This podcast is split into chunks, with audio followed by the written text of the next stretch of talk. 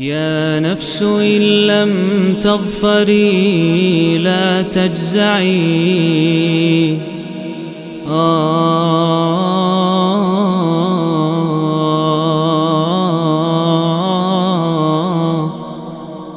Bismillah, walhamdulillah, wassalatu wassalamu ala rasulillahi amma ba'd Masih bersama serial 114 hari menyambut bulan Ramadan Dan kita di episode ke-48 ini akan dibersamai oleh surat Al-Fat Yang artinya kemenangan Surat Madaniyah juga Seperti surat Nabi Muhammad SAW sebelumnya Yang turun setelah surat At-Taghabun Dan turun sebelum surat Al-Ma'idah Terdiri dari 29 ayat Surat ini disebut dengan surat Al-Fath.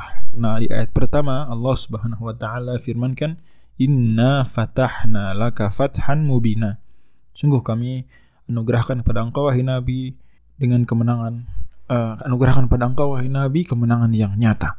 Dan tema besar dari surat ini nampak jelas dari judul surat sangat erat kaitan dengan tema besarnya dan juga dari paparan ayat yang kita bisa simak di surat ini. Semuanya bicara tentang anugerah kemenangan, anugerah kemenangan. Dan kemenangan yang disebut tidak hanya kemenangan yang setiap orang sebut kemenangan, tapi kemenangan yang sifatnya maknawi pun Allah Subhanahu wa taala paparkan beberapa contohnya di sini. Allah Subhanahu wa taala misalnya sebutkan kemenangan yang Allah anugerahkan kepada Nabi di awal surat Inna fatahna laka fathan mubina di mana para penafsir bahkan Nabi Shallallahu alaihi wasallam juga maksudkan atau dan fahami itu berupa bukan Fathu Mekah tapi Sulhul Hudaybiyah, tapi perjanjian Hudaybiyah yang kita semua mungkin melihat sekilas itu bukan kemenangan dong. Bahkan nampak seolah seperti kalah karena kaum muslimin sudah jauh-jauh pergi umroh berpakaian ihram sampai sana gagal umroh tahun ke-6 Hijrah tersebut.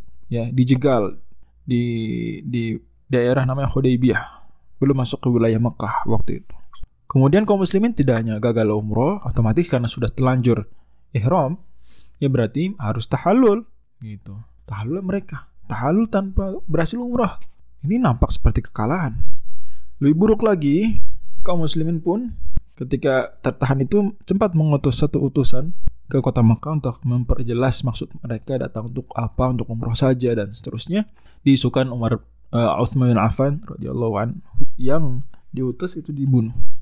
Maka kaum muslimin uh, dibayat oleh Nabi Shallallahu alaihi wasallam jika benar memang kabar tersebut maka kaum muslimin harus siap untuk berjuang ya andai memang ada e, resiko untuk berjihad maka 1400 sahabat yang kumpul waktu untuk umroh semuanya berbayat Allah Subhanahu wa taala abadikan bayat mereka dalam surat Al-Fat ini Misalnya Allah firmankan laqad radiyallahu 'anil mu'minina idh yubayyi'unaka tahta syajarah. Ayat ke-17 Allah Subhanahu wa taala firmankan sungguh Allah telah ridho kepada mereka yang membayat engkau. Dan Allah Subhanahu wa taala di ayat yang ke 10 Allah firmankan innalladzina yubayyi'unaka innama yubayyi'una Allah tentang bayat itu juga. Dan kemudian akhirnya ternyata Utsman bin Affan radhiyallahu alhamdulillah selamat, tetapi kemudian kaum muslimin tidak boleh umroh tahun tersebut dan harus membuat perjanjian. Klausul perjanjiannya nampak seperti kekalahan lagi-lagi. Di antaranya kaum muslimin tidak boleh umroh tahun tersebut, baru boleh umroh tahun depan, tahun 7 Hijriah. Di antaranya kaum muslimin dan kaum musyrikin Mekah gencatan senjata 10 tahun.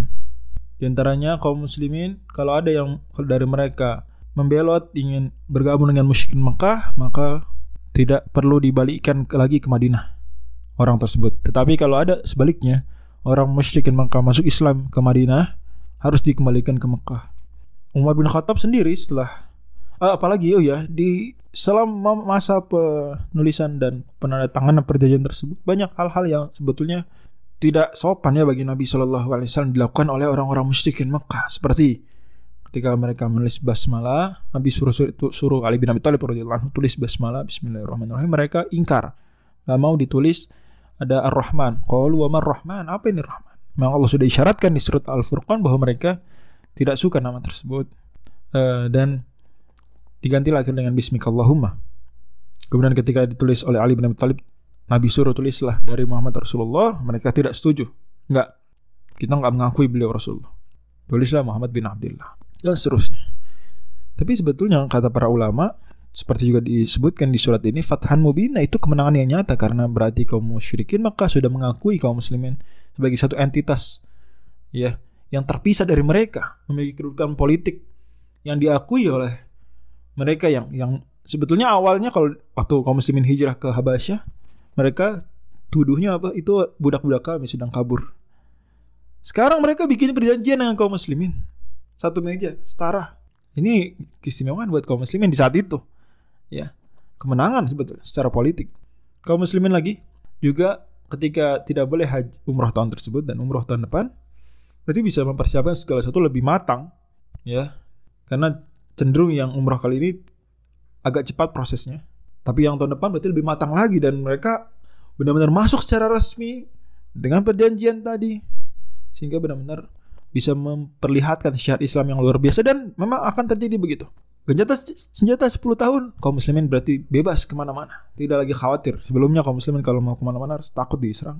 Karena nggak aman. Apalagi kaum muslimin bisa memaksimalkan momen tersebut waktu tadi untuk dakwah ke selain Makkah Khaybar berdakwah Khaybar berdakwah ke negara-negara tetangga dengan surat. Ataupun orang Islam ketika membelot ke Makkah tidak perlu dibalikan. Ya memang karena dia akan datang bawa uh, contoh tidak baik. Adapun orang-orang uh, Makkah masuk Islam ke Madinah dibalikan akan menjadi penyebar Islam di kota Makkah dan seterusnya dan seterusnya. Surat ini juga menyebutkan Allah Subhanahu wa taala menjanjikan kemenangan kepada Nabi sallallahu alaihi wasallam.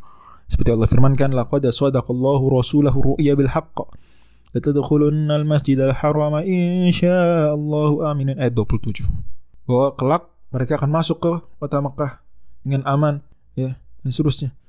Dan pada akhirnya ini menjadi pintu awal Fathu Makkah tahun ke-8 Hijriah. Dan banyak ayat-ayat lagi di surat ini bicara tentang anugerah kemenangan. Terlalu jelas. Uh, Nabi sendiri Shallallahu Alaihi Wasallam bersabda tentang surat ini dalam hadis surat Bukhari laqad unzilat alayya lailah suratun lahi ahabu ilayya mimma talat alaihi syams Tuma inna fatahna laka fathun mubina sungguh telah turun kepadaku semalam surat lebih kucintai daripada dunia. Dan seisinya surat al-fath. Wallahu